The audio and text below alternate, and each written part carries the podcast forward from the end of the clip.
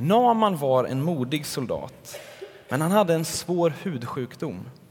Ingen ville vara i närheten av honom. Alla var rädda för att de skulle bli smittade. Namans fru hade en liten israelisk tjänarinna som tyckte väldigt mycket om Naman och som ville hjälpa honom. Om Naman reser och hälsar på profeten Elisa, sa hon till Namans fru, då kan Gud göra så att han blir frisk. Därför reste Naman till Israel för att leta reda på Elisa.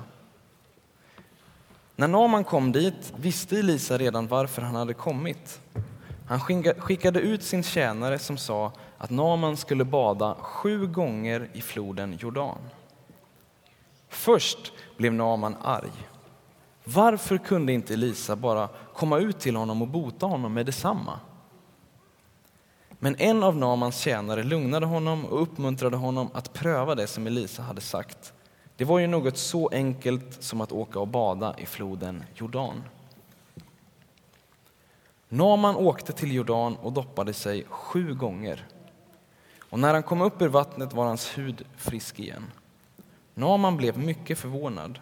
Nu vet jag, sa han, att den enda sanne guden i hela världen finns här i Israel. Här har vi en bild också när han badar. Han skulle också behövt en sån där vattentät bibel tror jag.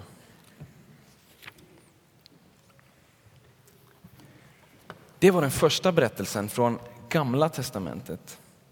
Och nu ska vi läsa den från det Nya testamentet. Och det är då som vi alla får stå upp tillsammans, alla vi som orkar och kan. Och då får ni också vara med och stå här. Och den här berättelsen den heter Mannen som sa tack. Och den kommer från Lukas evangeliets 17 kapitel. På Jesus tid fanns det många människor som led av den fruktansvärda sjukdomen som kallas lepra. Trots att de var mycket sjuka vågade inte andra människor hjälpa dem. De var rädda för att de själva skulle bli smittade. Därför fick de leprasjuka bo utanför byarna. Så fort de kom för nära kastade människorna stenar på dem. En dag när Jesus närmade sig en by såg han tio män som hade lepra och som satt där och väntade på honom. De ropade på honom för att få hjälp. Jesus såg hur innerligt väl de behövde bli botade. Därför sa han till dem att de kunde gå därifrån och leva som vanligt igen, för nu hade han gjort dem friska. En av de tio männen, han som kom från Samarien, blev så glad att han skyndade sig tillbaka till Jesus och föll på knä och tackade honom. Jesus var glad över att Samarien kom tillbaka för att tacka honom, men kände sig ändå ledsen. De andra männen hade bara gått sin väg. Varsågoda och sitt.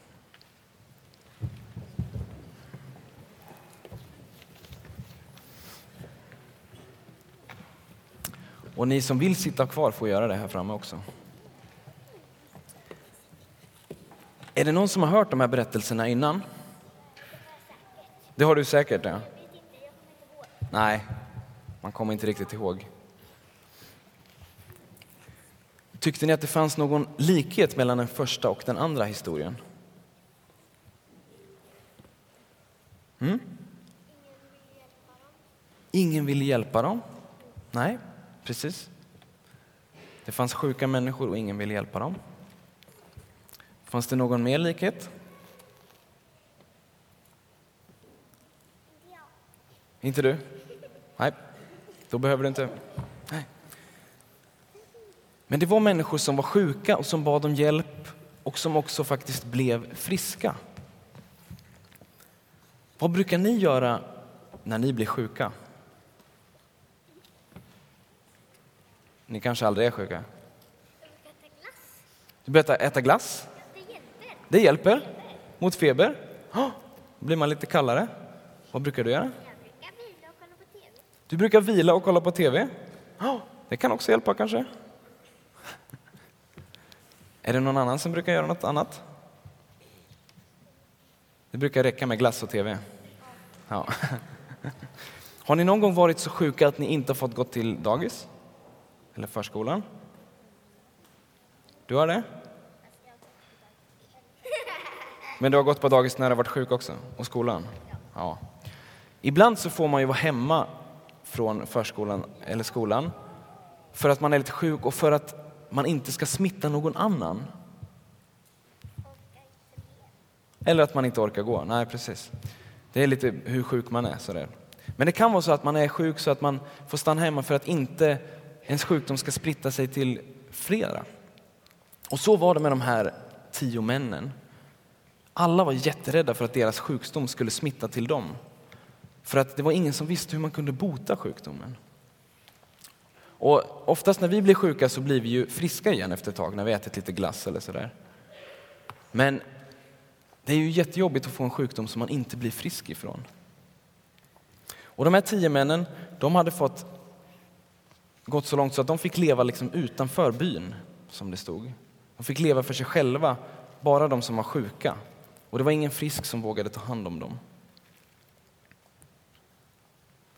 Och därför så kommer de till Jesus, för de tänker att han kanske kan hjälpa honom. Precis som mannen i den första berättelsen kom till Guds profet, för han tänkte att han kanske kunde hjälpa honom. Och sen så händer det att båda två blir faktiskt friska.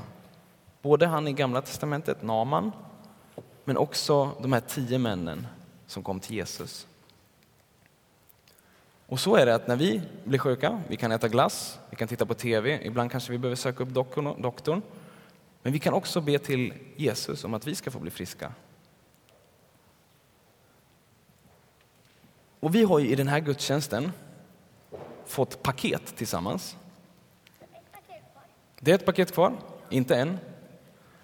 Och när man får paket, brukar ni göra någonting då? Du har inte fått en? Nej, du kanske kan få öppna det sista. Nej. Man brukar säga tack, ja. Är det någon som har tackat för de här fem paketen här idag? Ja, nej, ja, det är lite olika. Och jag tänkte lite så här, för att när vi slog in de här paketen så tänkte vi att, att det här kan bli ett bra sätt för oss att öva på att säga tack. För det som hände i den här berättelsen, det var att det var tio stycken som faktiskt blev friska, men det var bara en som sa tack. Och det var han som sa tack med en gång. För det är ju så att om man inte säger tack med en gång, då är det inte så stor chans att man gör det någonsin. För ju längre tid det går, så lättare är det att, att glömma bort att säga tack. Men det finns ju olika sätt. Hur kan man, om man är tacksam för någonting, för att någon har gjort någonting, hur kan man... Ja, om man har fyllt år till exempel, då kan man ju få en present. Och, och, när man har fått en present eller när någon har gjort någonting som man blir glad över och tacksam, hur kan man visa att man är tacksam och glad? Man kan ge någonting tillbaka. Det är en jättebra idé. Finns det något mer man kan göra? Vad sa du? Inget? Nej. Ja, men man kan göra någonting tillbaka. Det är ju en jättebra idé. Man kan säga tack eller man kan kanske måla en teckning eller göra någonting snällt tillbaka. Om någon har varit snäll och hjälpt en, kanske om man ska bära någonting tungt så kanske någon har hjälpt en. Då kanske man själv kan få hjälpa någon annan som behöver bära någonting tungt och som är jobbigt att bära själv. Har ni någon gång gjort någonting för någon som har blivit glad och tacksam? Har du det? Ja. Kommer du ihåg vad? Ja. Är det något du vill berätta för oss? Nej. är det någon annan som har gjort någonting så att någon annan har blivit glad? Mm?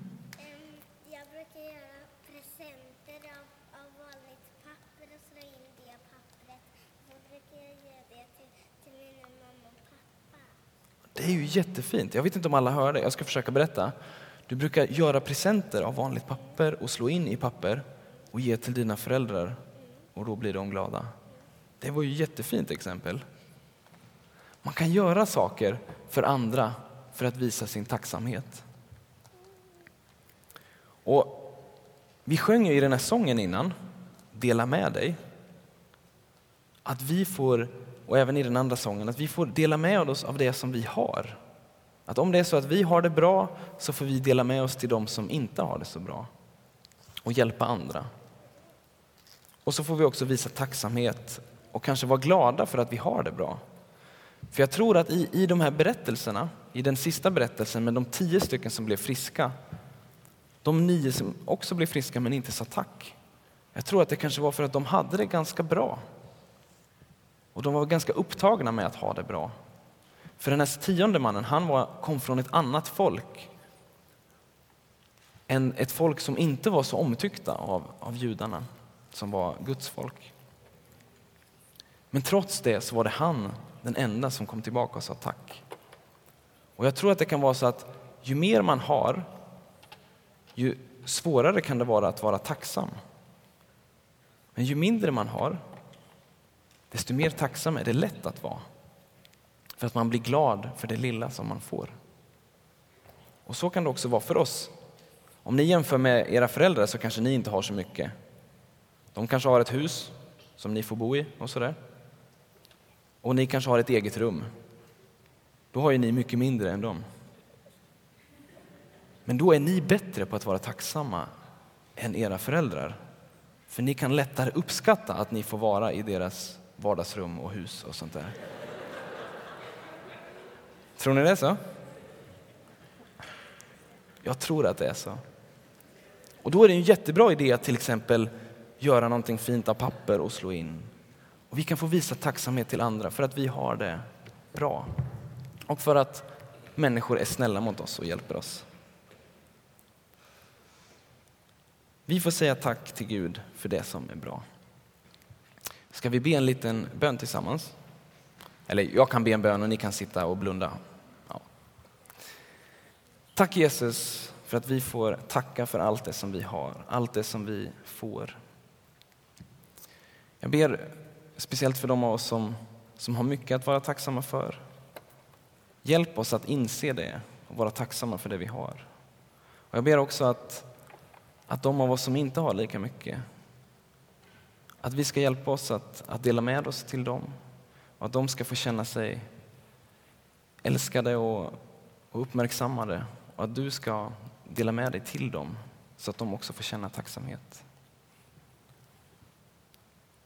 Amen.